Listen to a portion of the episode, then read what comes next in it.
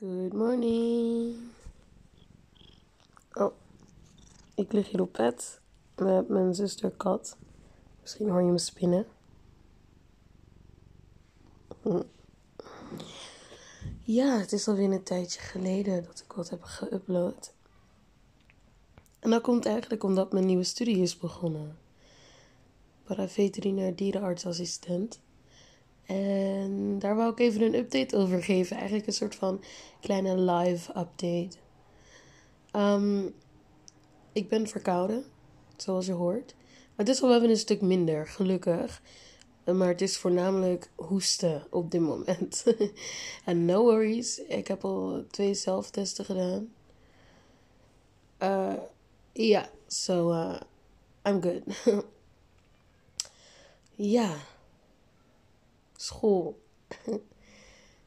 ik vind het echt geweldig. Het is echt het beste wat ik ooit heb gedaan. Het is zo een leuke school en, en je krijgt echt professionele les. Dat vind ik het allerfijnst ook. Gaat hij dinta? Oh, hij ligt echt heel schattig. hij ligt zeg maar met zijn hoofdje op mijn schouder en dan zijn voetje op mijn schouder. Uh, hij gaat in slaap vallen, ik hoor het al. Maar um, ja, het is gewoon. Je hebt ook. Excuses, het gaat alweer lekker. Je hebt heel veel dierenartsen op school. En mijn docenten zijn dan ook echte dierenartsen. En, en we hebben hele jonge docenten, dus letterlijk 25, 26. Wat ik echt heel chill vind. Want dan word je ook gestimuleerd als jonge student. Weet je wel, dat het kan. Ik ben dan zelf 23 en hun zijn dan al uh, professioneel dierenartsen. En dat is gewoon heel leuk uh, om te zien en om mee te maken. En hun kennis is zo groot. Dus het is zo van, ja, ze zijn misschien jong, maar hun kennis is echt heel groot. Veel meer dan de gemiddelde mens als het gaat over dieren. En dat vind ik dus juist zo interessant. Oké, ik zal proberen op pauze te zetten als ik mijn keel moet schrapen, want ik kan begrijpen dat het heel irritant klinkt. nou, met hoesten ook dus. Ehm, ook ehm, is het gewoon interessant, omdat je leert dingen over bijvoorbeeld honden of katten en dat gaat dan over het gedrag. En dan leer ik dingen waarvan ik denk van, hoe kon ik dat nou niet weten? Maar ja, je kon dat niet weten. Gewoon puur omdat je dat niet krijgt. Op school of wat dan ook. En, en ik had het dan ook over mijn docent over uh, hondengedrag. En um, er was een video van een man met een rotweiler. Misschien hebben jullie die al gezien. Van een man met een rotweiler en die ging hem wassen. En die rotweiler grommen, oren naar achter, ogen super groot. En hoe dichterbij hij kwam bij die poot, hoe erger het werd. En die man zei: Ja, dit doen rotweilers, dit is heel normaal. Nou, dat is dus helemaal niet normaal. Want toen ik het zag, dacht ik al van: daar klopt echt iets niet. Die man, dit is niet normaal. Like, dit, dit is niet normaal, weet je wel. En het is zo makkelijk om het voor waar te nemen. Omdat ik toen ook nog met mijn lief zat en ik vertelde over die video. Zo van, ja, dat doen Rottweilers gewoon. But it's not true at all. Die Rottweiler is gewoon, die voelt zich ongelooflijk ongemakkelijk. En die eigenaar die schendt de hele tijd opnieuw en opnieuw zijn grenzen. Terwijl hij aangeeft dat hij het niet prettig vindt. Lijkt dat gegrom en hoe hij kijkt. Dat is gewoon. En als je dan zeg maar op die manier kan kijken dan is het gewoon zielig. Het is net als aanranding bij een mens. Je geeft tijd aan van ik wil het niet, ik wil het niet, maar je weet ook dat je niet sterker bent en de hond is dan de hond weet dat hij ja, dat de eigenaar nog steeds de alfa is, maar binnen de kortste keren gaat het echt mis, dan valt die hond die man aan. En dit is gewoon eigenlijk dierenmishandeling op tape, op video. En dat wordt dan gewoon gepost. En dan zijn er mensen die hebben geen verstand van honden Of geen, weinig verstand over het gedrag van honden. En die nemen het gewoon voor waar. En die denken dan dat het normaal is als een Rottweiler zo doet. Maar dat is het helemaal niet. En dat is dus ook een van de redenen waarom ik mijn Instagram heb verwijderd. En mijn social media. Gewoon omdat er zoveel nep informatie wordt verspreid. En dat is dus ook precies de reden waarom ik deze opleiding ben gaan doen. Want op internet vind je geen waarheid. Dat vind je alleen van deskundigen. Want die man is absoluut geen deskundige. Hij heeft gewoon een rotweiler. En die rotweiler die valt hem niet aan. Omdat hij dan waarschijnlijk keihard op zijn kop krijgt. Dat nog meer pijn doet dan eigenlijk zijn mentale mishandeling. En het, het, het kan eigenlijk niet. Eigenlijk zou er, vind ik, een inspectiedienst naar die man toe moeten gaan en een waarschuwing afgeven. Zo van, yo, neem gedragstraining met je hond, maar voornamelijk voor jezelf. Want jij weet dus gewoon helemaal niks over zijn gedrag. Nou ja, dat soort dingen ehm, leer je dan op school en dan pas zie je ook vooral op internet. Maar ook de mensen om je heen. En natuurlijk ik zelf ook. Dat ik dingen heb gedaan. Dat ik denk van oh mijn god, hoe, hoe kon ik dat nou niet weten? En dat is eigenlijk omdat je leert van de mensen om je heen. En die hebben ook weer geleerd van de mensen om zich heen. En die hebben ook weer geleerd van de mensen om zich heen. En ja, die, het is ook logisch, want zulke educatie over je honden, dan moet je gewoon bakken van geld neerleggen. Om simpelweg basisgedrag te kennen om simpelweg basis hondentraining, weet je wel, te kunnen doen met je hond. Dus het is eigenlijk heel begrijpelijk. En een van mijn klasgenoten die zei dat ze tegenwoordig op, op, op een paar basisscholen uh, basisgedrag hond en kat wel geven. Ehm, want ik had het over, ja, misschien zou het dan beter zijn om een certificaat te moeten halen of zo.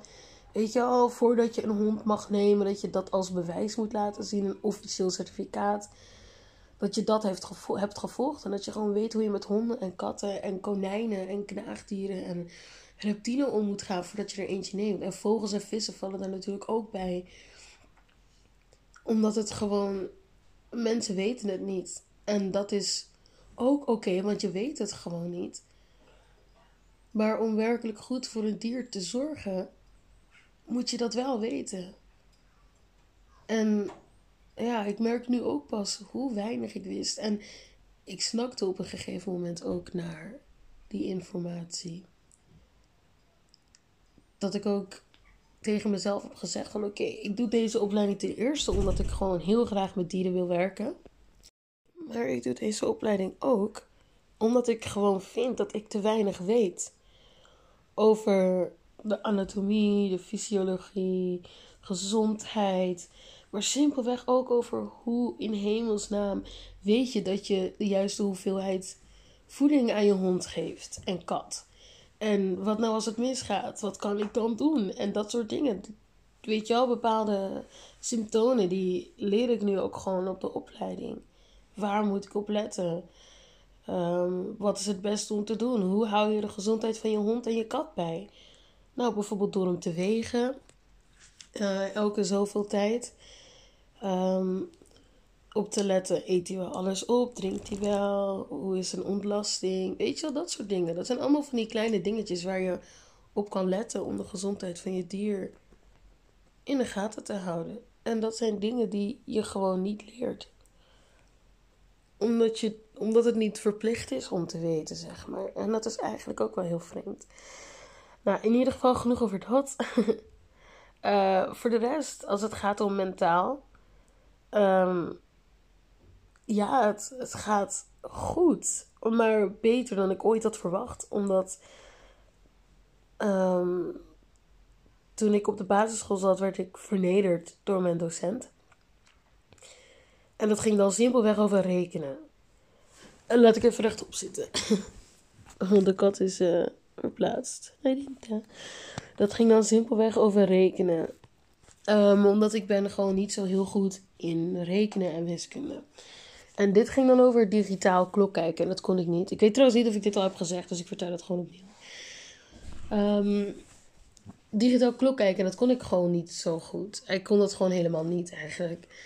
En ehm, nou ja, dus mijn zus kreeg de beurt om het te zeggen, want we zaten natuurlijk met, met de twee in één klas.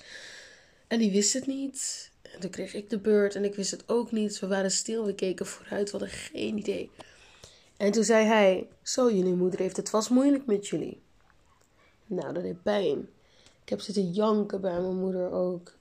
En mijn moeder heeft geprobeerd om ons te stimuleren van het is oké, jullie kunnen wel klok kijken, we moeten gewoon wat meer oefenen, het heb gewoon meer tijd nodig.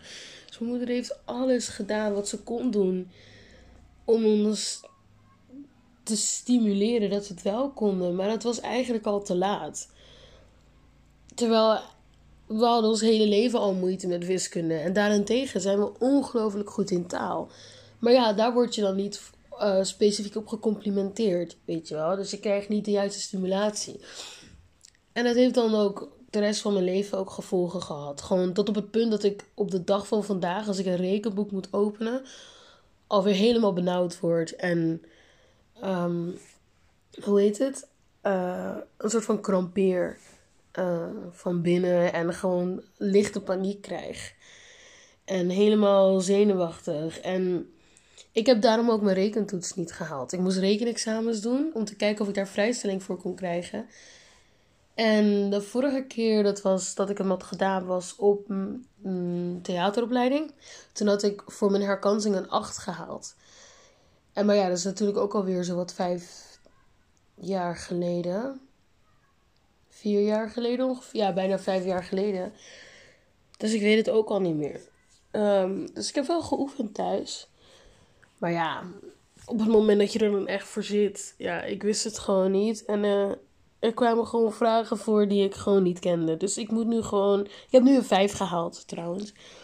En dat is oké, want ik vind het niet erg. Want al zou ik het hebben gehaald, zou ik alsnog naar de rekenles gaan. Uh, want je moet natuurlijk als paravet ook medicijnen uh, berekenen en gewicht berekenen. En weet je wel, dat moet je allemaal kunnen. Dus ja. Um, maar. Ja, dus. Maar door simpelweg door dat incident met mijn docent. Toen ik op de middelbare school zat. Um, en uh, we gingen kiezen voor een andere opleiding. Heb ik gekozen voor filmacteur. En de reden was. Dit was eigenlijk mijn tweede reden dat ik heel graag actrice wilde worden. Of iets in de entertainment, maar voornamelijk actrice wilde ik heel graag worden. Maar mijn grootste reden was eigenlijk het ontwijken van theorie. Omdat, ja, dan zou je moeten rekenen. En ik wilde het allerliefst wilde ik deze opleiding al doen. Ik had deze opleiding al lang al af kunnen ronden namelijk. Um, eigenlijk in 2018, want het was ook vierjarige mbo. Um, maar ik wilde deze opleiding eigenlijk het liefst van het liefst doen. Maar ik vond mezelf niet goed genoeg. Dus het ontwijken van theorie. Daarom heb ik gekozen voor filmacteur. En na filmacteur, om nog steeds ontwijken van theorie, heb ik gekozen voor theater. En dat was puur omdat ik dacht dat ik niet goed genoeg was voor deze opleiding. En hier ben ik dan. Nu doe ik de sprintopleiding. En dat is dat je vier jaar in twee jaar moet doen. Omdat ik met de test gewoon dit niveau heb behaald. Je, je moet zeg maar snel kunnen leren. Je moet hard kunnen werken. Um, je moet discipline hebben. Je moet um, heel goed kunnen plannen. En ja, je rekenniveau, je taalniveau moet allemaal op niveau 4 zijn. Uh, en dan 3F. Nou, dat is het allemaal. Dus ik voldoe gewoon precies aan het plaatje. Je moet echt uh, grote testen doen hoor. Dus het is niet simpelweg even een beetje wiskunde, een beetje Nederlands. Nee, dat is het niet. Het is wel echt persoonlijkheidstest.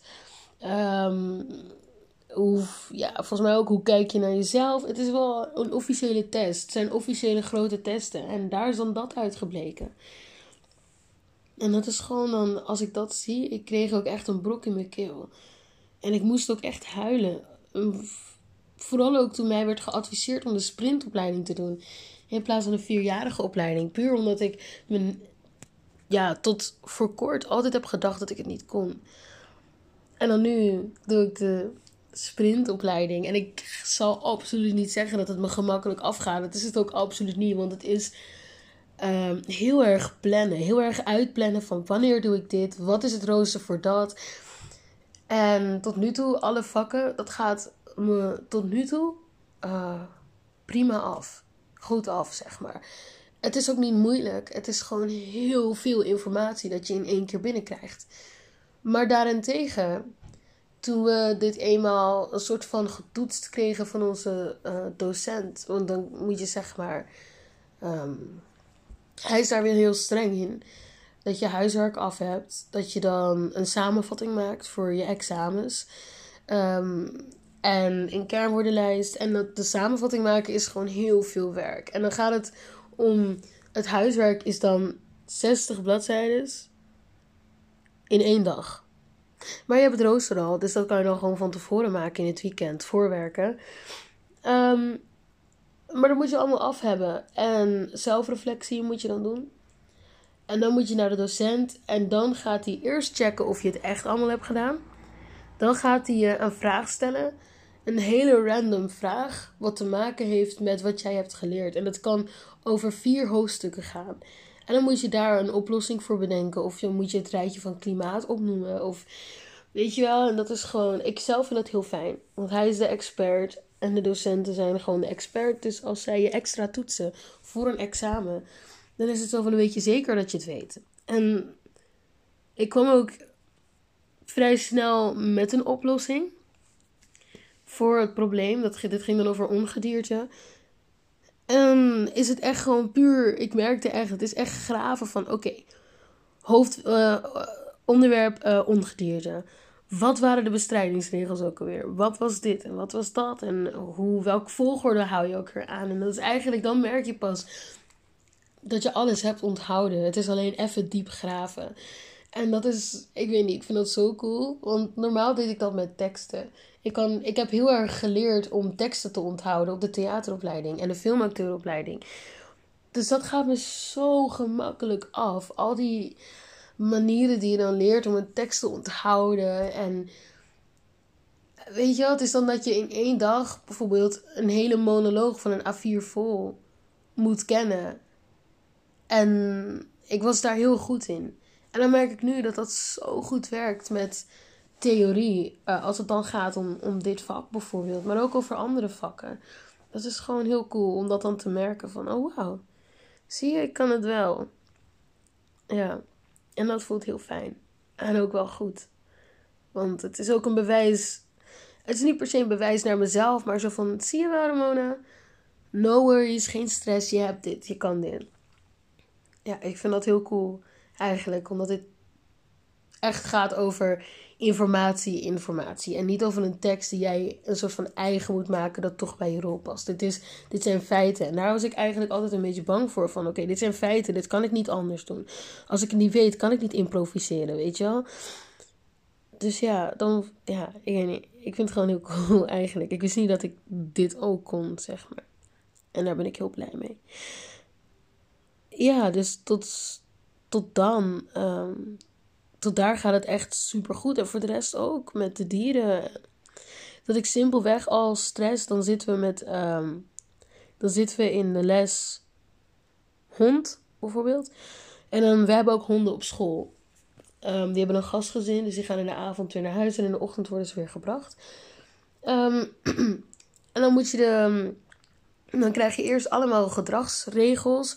En allemaal regels hoe je in hun kennel moet stappen, hoe je ze moet ophalen, hoe je met ze moet lopen en bla bla bla. En uh, toen ik eenmaal in de, toen ik daar in de les zat, dacht, toen raakte ik al in de stress. Want ik dacht van, oh weet ik het wel goed genoeg? Ben ik wel goed genoeg met honden? Terwijl honden en katten komen altijd naar me toe, weet je wel. Dus voor mij is het heel weinig moeite om een hond te overtuigen dat het oké is bij mij. Tot op het punt dat honden die nooit naar anderen. Ik denk dat, dat jullie dit ook wel eens hebben meegemaakt. Dat je dan een hond ziet en dan denk je: oh, wat een schatje. Dan ga je op je knieën of op je hurken. En dan vraag je: mag ik hem aaien? Ja hoor, ja hoor. En dan ga je hem aaien. En dan is die hond helemaal lief en blij.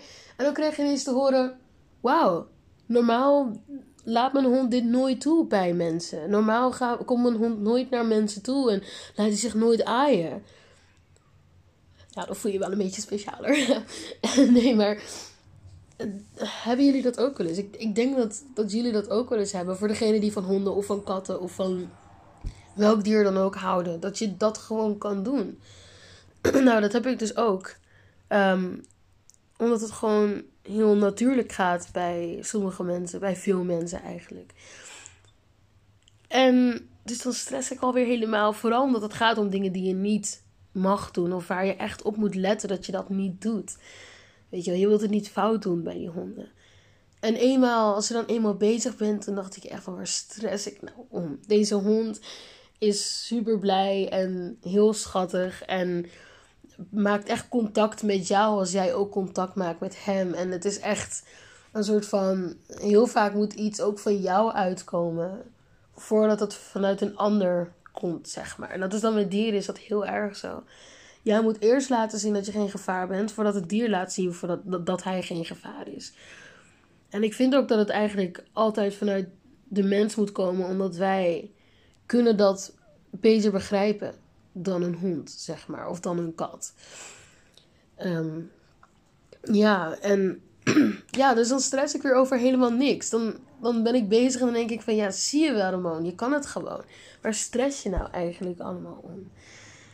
Ja, dat soort dingen. En ja, dan zie je ook wel dat je eigenlijk al heel veel dingen überhaupt al juist deed. Ja, ik weet niet. Ik vind, ik vind het gewoon heel interessant om te zien ook. Gewoon de psychologie bij mezelf. Gewoon is eigenlijk stress om werkelijk niks, zeg maar. En dat is dan ook weer stressvol, want waarom stress je dan? Weet je wel. Ik denk dat, dat jullie dat ook wel herkennen als het gaat om werk. Misschien als het gaat om simpelweg als stage zoeken. Dan heb je allemaal theorie geleerd op school. En dan ineens moet je dat toepassen werkelijk in de praktijk. Nou, ga maar stage zoeken. Ga daar maar naartoe. Ga maar dan ineens de administratie juist doen. Weet je wel. En wat ik zelf dan heel erg had, was dat ik bang was dat ik dan, als ik daar werkelijk naartoe zou gaan, ehm, heb ik wel genoeg kennis opgedaan op mijn opleiding. Want dat ik dan bij de theateropleiding, dan leer je gewoon heel erg van, oh, dit is de stijl van de docent. En dat neem je dan over. Um, of dit is gewoon de stijl van dit theater. En als dat dan bij jou past, dan doe je dat. Maar ja, zoek maar een plek waar dat, waar dat heel erg bij jou past, weet je wel. En, en ook jouw stijl weer verder ontwikkelen. Dat anderen jouw stijl ook weer een soort van vet vinden. En dat ze dan bij jou lessen willen volgen en zo. Ja, dat is gewoon. Um, dat is gewoon heel veel. Maar tegelijkertijd is het onofficieel, zeg maar. Als je snapt wat ik bedoel. Het is niet officieel, het is iemands stijl. Tenzij je natuurlijk gaat kijken naar de theorie over Shakespeare bijvoorbeeld. Nou, dat is dan wel weer een feit. Wat ook niet 100% klopt. Want de een zegt dat Shakespeare wel zijn eigen naam kon schrijven. De ander zegt weer van niet. De een zegt dat het zo schrijft. De ander zegt dat je het zo schrijft. Weet je wel? Dat is... Ja, dus dat blijft altijd een beetje um, wankel. Maar dit is dan zo van met deze opleiding. Uh, dit is Eres uh, in Barneveld. Deze opleiding is zo up-to-date. En ook tijdens de lessen, je leert. Ik, ik heb echt die confidence dat je precies leert wat je gaat gebruiken in de praktijk. Het gaat dan om gedrag, maar ook simpelweg om het hanteren van een dier. En simpelweg om de uh, materialen die je gebruikt op school. Weet je wel? Um, en dat is gewoon. Um, zoals bijvoorbeeld de microscoop. Dat zijn allemaal dingen die hartstikke up-to-date zijn. Alles is up-to-date. De docenten zijn allemaal officiële dierenartsen die zich ook updaten. En klinkt echt raar, maar uh, die ook alles up-to-date houden. Weet je wel? Het is allemaal heel. Het is allemaal van het nu. En er zijn sommige scholen die dan net een beetje achterlopen. Dus mocht je een paravet, dierenartsopleiding of wat voor verzorging, dierverzorgingsopleiding. Of als het gaat om paarden, want we hebben ook, Iris heeft dus ook een manege, uh, centrum eigenlijk. Ga naar Iris. Want het is super up-to-date en echt professional. En al, al gaat het om een stage zoeken, als je zegt: uh, Ik ben student paraveterinair aan Eris Barneveld of op Eris Barneveld. Dan heb je al een streepje voor vergeleken met andere opleidingen. En dat wist ik niet, maar dat is dus echt zo. En dat is echt bizar. Gewoon. Omdat die school staat zo goed aangeschreven in Nederland, maar ook in het buitenland. Als jij paravet hebt gehaald en je wil werken in Spanje en je zegt ik ben van deze school. De meesten weten dat ook. Omdat het gewoon zo goed staat aangeschreven in Europa, deze school. Dus ja, ga naar die school. Probeer het op die school in ieder geval. Ehm, dus ja, het is zo up-to-date dat ik in de eerste week al het gevoel had van ja, ja, deze school gaat me echt alles leren wat ik nodig heb. En niet onnodige dingen, maar ook niet te weinig. Het is precies wat je nodig hebt. En dat voelt echt als een uh, uploading, wauw. als een opluchting. Want dan weet je ook zeker van oké, als ik stage ga lopen, dan heb ik ook daadwerkelijk de kennis die ik echt nodig heb. Ja, dat voelt, um, dat voelt heel fijn. Ja, wat nog meer? Um, mentaal ga ik ook goed. Ik heb natuurlijk twee jaar niks gedaan. En daardoor ben ik heel angstig ook geworden. Omdat je gewoon niet omringt met mensen. En dan poppen er allemaal dingen op in je hoofd. En ja, je wordt er heel raar van, zeg maar. En dan nu als ik weer onder een mens ben, ik dacht echt van, oh, dan misschien wordt het heel zwaar en moet ik heel erg wennen aan um, weer onder de mens zijn. En heel erg wennen aan dat ik weer een, een heel strak schema moet aanhouden. En dat is ook zo. Want mijn lichaam is ook de eerste week al, alweer een beetje gestrest. Um, maar dat is gewoon het wennen weer. Oh, ik ben nu weer heel veel aan het socialiseren. Oh, ik ben nu weer heel veel aan het leren in één dag. Gewoon tot op het punt dat je hersenen lijken te uh, they seem to be fried, zeg maar. Zo voelt het. Afgelopen week, gisteren trouwens, voelde het echt als mijn hersenen. It felt like they were fried. Gewoon puur vanwege al die informatie. Um, oh, hij is zo schattig. Hij gaat niet heel schattig liggen. Maar ja. Dus daar moet je ook weer allemaal aan wennen. Maar tot nu toe gaat het allemaal goed. En ja, mijn lichaam is nu alweer een beetje vermoeid. Maar daardoor, je moet ook echt in het weekend leuke dingen gaan doen. Want als je dat niet doet, dan ehm, ga je jezelf echt overwerken. Ja, in het weekend moet je voorwerken. Maar je moet ook niet, je moet ook niet te gek worden. Weet je wel, je moet ook gewoon je rust pakken. En gewoon plezier. En vooral naar buiten gaan. Want op school zit je natuurlijk de hele dag binnen. Van kwart over vijf uh, kwart, over, negen tot half vijf. Dus ja, dat is gewoon heel veel. Maar mentaal. Oh, even uitdrukken. Oeh. Maar mentaal gaat het veel beter dan ik had verwacht.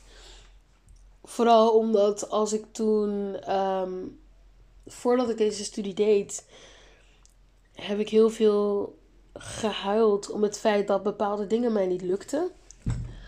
Uh, dan ging het simpelweg om op tijd opstaan. Of simpelweg om uh, bepaalde theorieën leren. En dat lukte mij dan niet. En daar raakte ik dan heel gefrustreerd van. En ergens ook wel weer angstig. Want hoe ga ik dat dan in hemelsnaam doen tijdens mijn opleiding, weet je wel? Maar ja, dingen zijn al voor je geregeld. En je hebt een reden waarom je dat gaat doen. En dan valt het alweer hartstikke erg mee. Dus als jij gaat stoppen met iets wat je je hele leven al doet om iets te doen wat je eigenlijk ook al je hele leven doet en heel leuk vindt. Maar nu echt, weet je wel, daar meer professioneel in, uh, om daar professioneler in te worden. No worries. Als je de juiste plek vindt, je hebt de juiste opleiding en je hebt de juiste docenten of mentoren gevonden, dan komt het goed. Het komt echt oprecht goed. Ja, dat heb ik nu ook wel geleerd eigenlijk. En dat voelt bijzonder. Omdat ik dit nooit had verwacht. Ik had, als ik nu terugdenk over uh, aan een jaar geleden, dan was het 25 september 2020.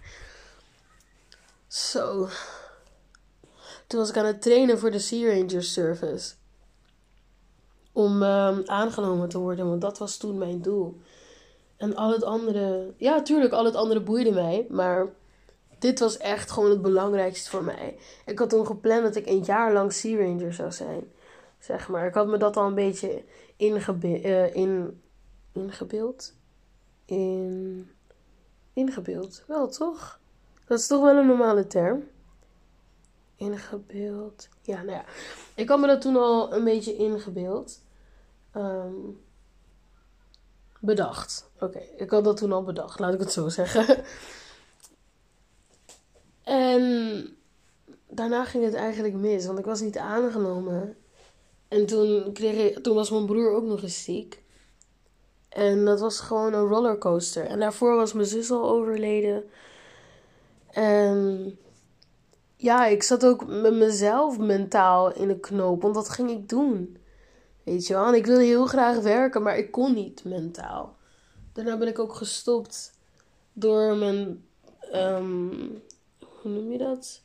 Ik zeg even begeleider Ik weet even niet meer het juiste woord, maar van het jongerenloket. Dat ik echt moest stoppen. En ik had nooit gedacht, ook al had ik ergens heel lichtjes achter in mijn hoofd een lichtje dat zei Dieren! Nee, grapje. Dat zei, je moet met dieren werken. Dieren, dieren, dieren, dieren, dieren. Dat is alles wat het meest belangrijk voor jou is. En dat is alles. En now I do. Dus het voelt echt, um, ja, ik weet niet. Het, het voelt gewoon heel cool om dan eindelijk mijn droom te gaan volgen. Wat ik letterlijk als kind altijd al had willen doen. En ja, het is ook als je in het vak staat nu. Ik sta nu niet in het vak, ik sta nu in de studie, zeg maar. Maar je doet natuurlijk ook hanteren en zo.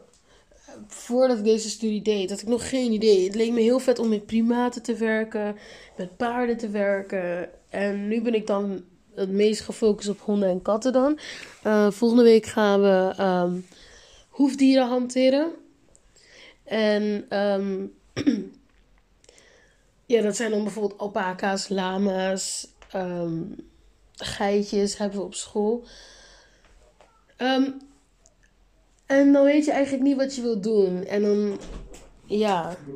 Oké, dat was mijn vader die ineens mijn deur open deed. Maar, um, oh, wat zei ik nou? Dat je dan in het veld staat.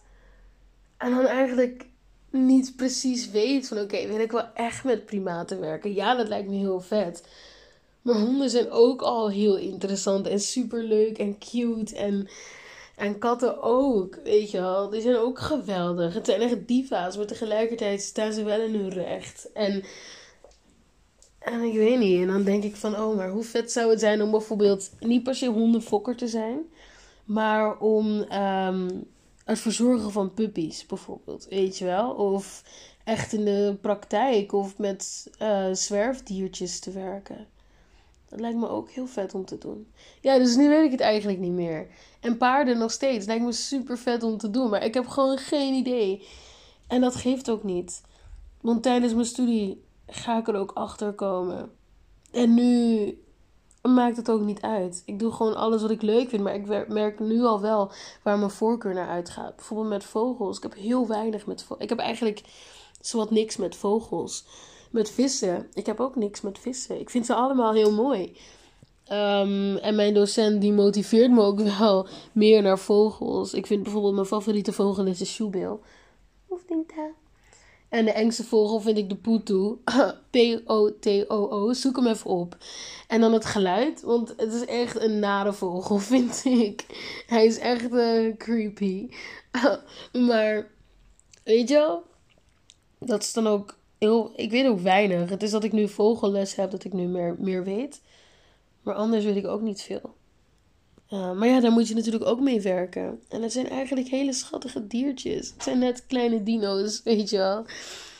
Dus ja, dat, dat, dat motiveert je ook weer tot, oh, maar misschien is het ook goed om echt meer een vogelstage te doen. Of mee te lopen bij iemand die, of vrijwilligerswerk te doen bij een vogelopvang bijvoorbeeld, weet je wel. Want het is weer iets totaal anders dan een hond of een kat of een paard. Maar ja, daar kom je later wel achter. Oké, anyway, dit is wel een hele lange update. Um, er is ook zoveel gebeurd. Gewoon ook met mijn, uh, in mijn klas. Het is echt zo'n leuke klas. En ik heb hele leuke huisgenoten. En ik heb ook eindelijk niet dat ik alleen ben. En um, daar ben ik heel blij mee. Ik heb daar echt het universum heel hard om gevraagd. Gewoon. Of ik alsjeblieft um, mensen in mijn klas kon krijgen met wie ik kon chillen, zeg maar. En die ook echt leuk zijn. En met wie ik ook mezelf kon zijn, kan zijn eigenlijk. Um, dus daar heb ik heel hard om gevraagd. En, want op ROC um, had ik uh, beste vriendinnen. En die gingen weg uit mijn klas. Maar zij waren echt mijn beste vriendinnen. En voor de rest dat ik heel hard. Mijn, mijn visie toen ik op, uh, naar ROC ging was: oké, op um, faam uh, had ik ook zeg maar mijn vriendinnen. Maar dit keer wilde ik zeg maar meer de persoon zijn die met iedereen kon. Dus ik kon wel met iedereen. Maar daarbij had ik ook eigenlijk niemand. Ik voelde me vooral in het derde jaar ongelooflijk alleen. Uh, terwijl ik had wel mensen, maar die hadden ook weer anderen. En dat is natuurlijk goed, dat is oké. Maar ik had dus eigenlijk op een gegeven moment niemand meer bij wie ik echt kon terugtrekken. En um, althans, dat gevoel had ik. En ik trok mezelf om die reden ook steeds meer terug. Het was niet dat mijn mening niet boeide. Het was niet dat. Weet je wel, like. En. Maar op een gegeven moment voel je je gewoon alleen en eenzaam. En dat je dan met z'n allen aan het dansen bent. En dan sta je bijvoorbeeld op een rijtje met z'n allen en dan dans je. En dan voel je echt zo'n gat tussen jou en de rest. En ik kreeg heel vaak uh, steken in mijn hart. Gewoon omdat het pijn deed. Dat ik echt dacht van, hè, waarom reageert niemand op wat ik zeg bijvoorbeeld, weet je wel? Of, hè, waarom, als wij allemaal deze move doen en ik kom erbij, waarom voelt er dan nog steeds zo'n gat tussen mij en de rest? En dat deed nogal pijn. Um, ja. Uiteindelijk had ik echt twee klasgenoten die me hebben gered ook met mijn solo um, examen. So, als jullie dit luisteren, I really appreciate you. I really do. Um, maar ja, en nu was, was het meer zo van: ik ben alweer een stuk ouder, een stuk volwassener. Ja, dan heb je toch wel weer wat meer meegemaakt. Um, en dan kijk je gewoon heel anders naar dingen. Dan kijk je heel anders naar docenten en naar je klasgenoten. Je kijkt sneller door mensen heen. Maar je komt er ook met een bepaald doel, weet je wel. Op ROC, ik weet niet wat mijn doel was. Ik wilde gewoon heel graag in de entertainment, maar tegelijkertijd wilde ik het ook helemaal niet. En nu is dit met dieren. Mijn doel is gewoon om deze studie af te maken. En om plezier te hebben in mijn studententijd. Ook al is dat maar twee jaar voor nu. Misschien ga ik daarna nog doorstuderen. Ik heb werkelijk geen idee. Maar ja, dan is je visie gewoon totaal anders. Je inzet is totaal anders je kijkt naar de docenten is totaal anders. Want vanaf de middelbare school is het meer zo. Althans, ik heb altijd respect gehad voor docenten. Like, ik voelde altijd heel veel medeleven met docenten. Als leerlingen brutaal deden, had ik echt zoiets van: hou jij even je bek dicht. Want hier staat wel iemand die jou iets probeert te leren, weet je wel. Ik heb altijd al zo gedacht. En nu merk ik dat gewoon weer. Het is gewoon zo van ja, je ziet, je, je ziet ze echt als de professionals. En ik was er ook wel een beetje bang voor, omdat ik nu meer eh, de, de vrije blik heb gecreëerd. Ik denk dat jullie dit ook wel herkennen. Dat je dan eerst altijd naar mensen keek op school, zo van: oh, dat zijn de docenten, dus ik moet netjes zijn. En dan op een gegeven moment dan ga je daar doorheen. Zo van: oké, ik kies voor deze studie, dus ik kies er ook voor om naar deze docenten te luisteren.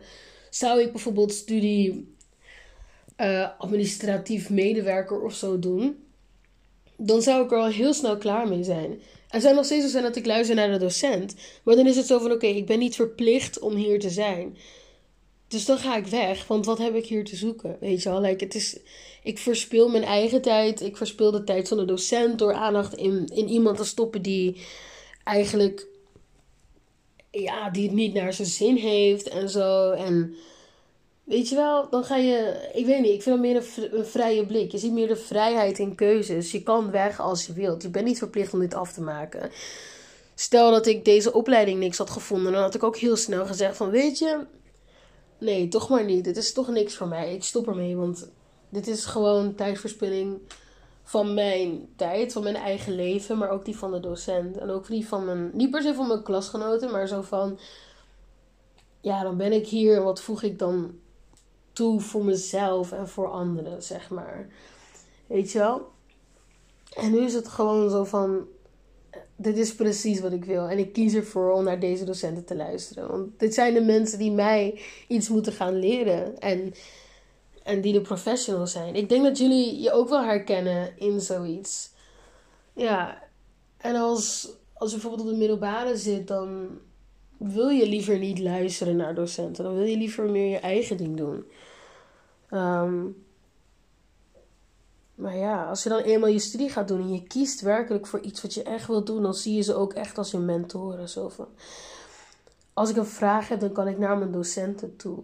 En dat voelt gewoon uh, hoe noem je dat? Uh, als zeg maar zekerheid van oké, dit zijn echt mijn docenten. Ik hoef niet meer rond te zoeken naar mensen. Iedereen die ik nodig heb, zit hier op deze school. Ja, dat is gewoon dat zekerheid die je dan krijgt. Ja. Hm. Wat nog meer eigenlijk? Hmm. Ja, als het gaat om vrienden en klasgenoten. Ik ben niet alleen. En daar voel ik me heel blij mee. Dat is eigenlijk wat ik het liefst wou zeggen. Ik voel me niet alleen. Ik heb nu mensen met dezelfde interesse. Met daarin weer een andere interesse. Bijvoorbeeld de ene is meer gek op vogels, de ander meer op cavia's. Nou, ik dan hond, kat, paard. Um, dat vind ik dan weer interessant. Maar we klikken gewoon heel goed. En dat is wat je nodig hebt, die vibe. En gewoon dat als je een groepsopdracht doet. En er is meteen iemand die naar jou kijkt. Zo van, hé, hey, ik ga met jou samenwerken, weet je wel? Of, en niet misschien, al, al is dat niet de persoon, al, is er niemand die naar je kijkt, dan heb je in ieder geval nog meer met wie je kan samenwerken. Weet je wel? Het is zo van, je hebt een soort van zekerheid van oké, als die en die al bezet zijn, dan is er altijd, is er altijd nog genoeg met wie ik kan. En dat voelt gewoon, ehm, dat voelt heel fijn. Dat voelt echt zo van oké, ik ben dus niet alleen. En um, er, er, is, eh, ik word gezien en ik word ook gewaardeerd. En dat is denk ik ook omdat ik anderen zie en anderen waardeer. En laat zijn wie ze zijn. En we helpen elkaar. En ja, ja. ik weet niet, ik ben er gewoon zo blij mee. Dat was mijn grootste wens voor deze opleiding, eigenlijk. En dat ik het kon, maar ook ehm, dat, dat ik gewoon vriendinnen kon maken hier. En die heb ik nu al zo snel. Dus ja. Um, ik zou zeggen, als het hierom gaat, mijn grootste fout was de sociale vlinder proberen te zijn. Dat had ik namelijk gedaan op ROC. Ik dacht, oh weet je, als ik met iedereen kan, dan heb ik iedereen. Maar als je met iedereen kan, dan heb je eigenlijk niemand. Als je met één persoon heel goed kan, dan is dat eigenlijk al genoeg. En Ehm, dus ik zou zeggen, probeer dat niet te doen. Probeer alsjeblieft niet de sociale vlinder te zijn. Wees jezelf en vind daarin iemand. En mensen worden automatisch naar elkaar toegetrokken. Dus als jij al wat volwassener bent, dan trek je automatisch de wat volwassenere mensen naar je toe. Als jij meer bent van, oh, F the system, dan komen die mensen ook meer naar je toe. Dus het ligt er ook echt aan van, oké, wie ben ik? waar wil ik naartoe? Um, niet per se dat je dan die persoon al gaat vormen. Daar, ja, dat is ook weer een beetje apart. Van je moet niet zeg maar iemand gaan vormen in je hoofd die je wil zijn. En dat je dat dan uiteindelijk niet behaalt. Dus focus gewoon op wie je op dit moment bent en waar je bijvoorbeeld naartoe wil. Wat is jouw doel met deze opleiding? Wil je deze opleiding echt goed halen? Wil je echt goede cijfers? Wil je echt je huiswerk op tijd afmaken? Of doe je dit meer gewoon voor de leuk en voor de lol en is, is het cijfer niet heel erg belangrijk voor jou? Weet je wel? Like, make up your mind before you start. Uh, en dan komen uiteindelijk de mensen vanzelf naar je toe. En eigenlijk het beste is ook om iemand te vinden die wat hoger staat dan jij. In bijvoorbeeld de kennis van de opleiding, of al is het de kennis over dieren, of kennis over uh, hoe je makkelijker kan leren. Of ja, weet je wel. Zoek altijd mensen op die beter zijn dan jij. Want daar leer je het meest van. En natuurlijk zoek mensen op met wie jij heel goed vibet. Want daar haal je de meeste plezier uit. Ja. Dat is eigenlijk een beetje mijn advies. Probeer niet iemand te zijn die je niet bent. Dus ja, ik probeerde heel erg de sociale vlinder te zijn op ROC. Dat was ik ook wel. Ik ben altijd heel sociaal geweest, maar niet op dat punt. Dus ik had mezelf klem gezet. Zo van: oké, ik ben nu bij die en die en die geweest. Nou, die en die heb ik nog niet gezien. Tuurlijk kan je naast die persoon gaan zitten en die persoon gaan leren kennen. Maar als het gewoon niet heel erg vibet. En je voelt het al heel snel. En vooral als je wat jonger bent of zoiets. Of als je dat nog niet heel, als je nog niet heel erg zelfbewust bent, dan merk je dat niet zo snel. Maar ik heb nu ook al met, met, ehm, met mensen dat ik dan ja, met hun praat. En al is het ook in, in openbaar, hè. Het hoeft niet per se op school te zijn. En dan praat je met ze en denk je van... Hmm, nee, het, het is het voor mij toch niet helemaal. Nou, dan moet je ook niet met, met die mensen gaan optrekken. Want dan ga je alleen maar ongemakkelijk voelen. Of dat het moeilijk is om een gesprek te starten. En of dat je, als je al. Ik heb zoiets van als ik al snel het gevoel heb van: oké, met jou zou ik dus mijn gevoelens niet kunnen delen. Dan. Uh, dan stap ik alweer terug. Want dan is er dus iemand anders met wie dat kan. Omdat op de middelbare school heb ik daar een hele grote fout in gemaakt. Er waren meiden, um, mijn vriendinnen. Ik zeg dat altijd met, ja, hoe doe je dat? Konijnenoorvingers, weet je wel. Mm, tussen aanhalingstekens eigenlijk. Um, die altijd vernederende grapjes maakte. En als ik een idee had, dan was het. Nee, nee, geen goed idee. En dan zeiden ze vervolgens mijn idee, maar dan was het net wat anders verwoord en dan was het allemaal goed en leuk. Of dat ze letterlijk tegen me zeiden of ik alsjeblieft even weg kon gaan. Want dan konden ze even met hun vriendinnen gaan chillen. Terwijl ik hoorde er toch bij. Weet je wel, maar ja, dan probeer zo erg ergens bij te horen en ik voelde me altijd al heel ongemakkelijk met hun. En ik probeerde er altijd een soort van door mezelf heen te kijken van... Hé, hey, probeer maar gewoon, want uh, weet je wel, wie weet lukt het wel. En uiteindelijk lukt het dan niet. En dan krijg je de, de klap, komt heel hard aan. Dat er dan uiteindelijk sowieso dat hun zeggen van... Ga weg. Of ik dump jou hier midden in Parijs. Dat was mijn geval. Weet je wel, dat doet gewoon heel veel pijn. Dus als je al merkt van oké, nee, ik vibe niet heel erg met die persoon, trek je gewoon terug, want het mag. Want het is beter dan dat je liegt. En jezelf voor de gek houdt dat het kan. En je eigenlijk altijd ongemakkelijk voelt. En altijd een beetje gestrest voelt. En als iemand een opmerking maakt, dat je dat heel persoonlijk opvalt. Omdat die persoon jou gewoon zo laat voelen, weet je wel. Ja, als jouw mening al niet wordt gewaardeerd of als jouw idee al telkens wordt afgeslagen, dan is dat al meteen een indicatie van: dit zijn niet mijn mensen. Ga weg. Don't be with them. Want dat heb ik namelijk te lang volgehouden. Tot op het punt dat ik um, traumatisch. Uh, ja, eigenlijk een, een trauma van over heb gehouden. Zeg maar een soort van uh, mentaal pesten. En mijn hele zelfesteem was ongelooflijk laag geworden. Toen ik mijn uh, eerste studie ging doen. Ja, tot op het punt dat ik, uh, als we dan in de kring gingen zitten en een bespreking gingen houden, ik kroop gewoon de kring uit. Want ik dacht van, oh, ik sta in de weg. En dat was simpelweg al omdat er werd gezegd, Nee, jouw idee is niet leuk. Nee, jouw idee is niet goed. Daar begon het bij. En op een gegeven moment hou je je mond. En dan ga je je eigen mening ook een soort van onderwaarderen. En als je mening al onderwaardeert, dan onderwaardeer je steeds meer van jezelf. Dan is het op een gegeven moment jouw aanwezigheid. Dan is het op een gegeven moment jouw stem, jouw lichaam, jouw zijn. Gewoon jouw plekje op aarde, weet je wel. En dan verdwijn je in jezelf. Totdat je jezelf ook niet meer ziet. En dat doet gewoon heel veel pijn. En dat is een marteling naar jezelf. Dus als je merkt dat klikt niet met mensen of zij waarderen mijn mening niet, je merkt dat heel snel, hè? Ga weg. Ga echt weg. Je vindt je mensen wel. Duurt misschien voor sommigen wat langer, maar zolang je bij jezelf blijft, vind je ze wel. En dat is echt oprecht zo.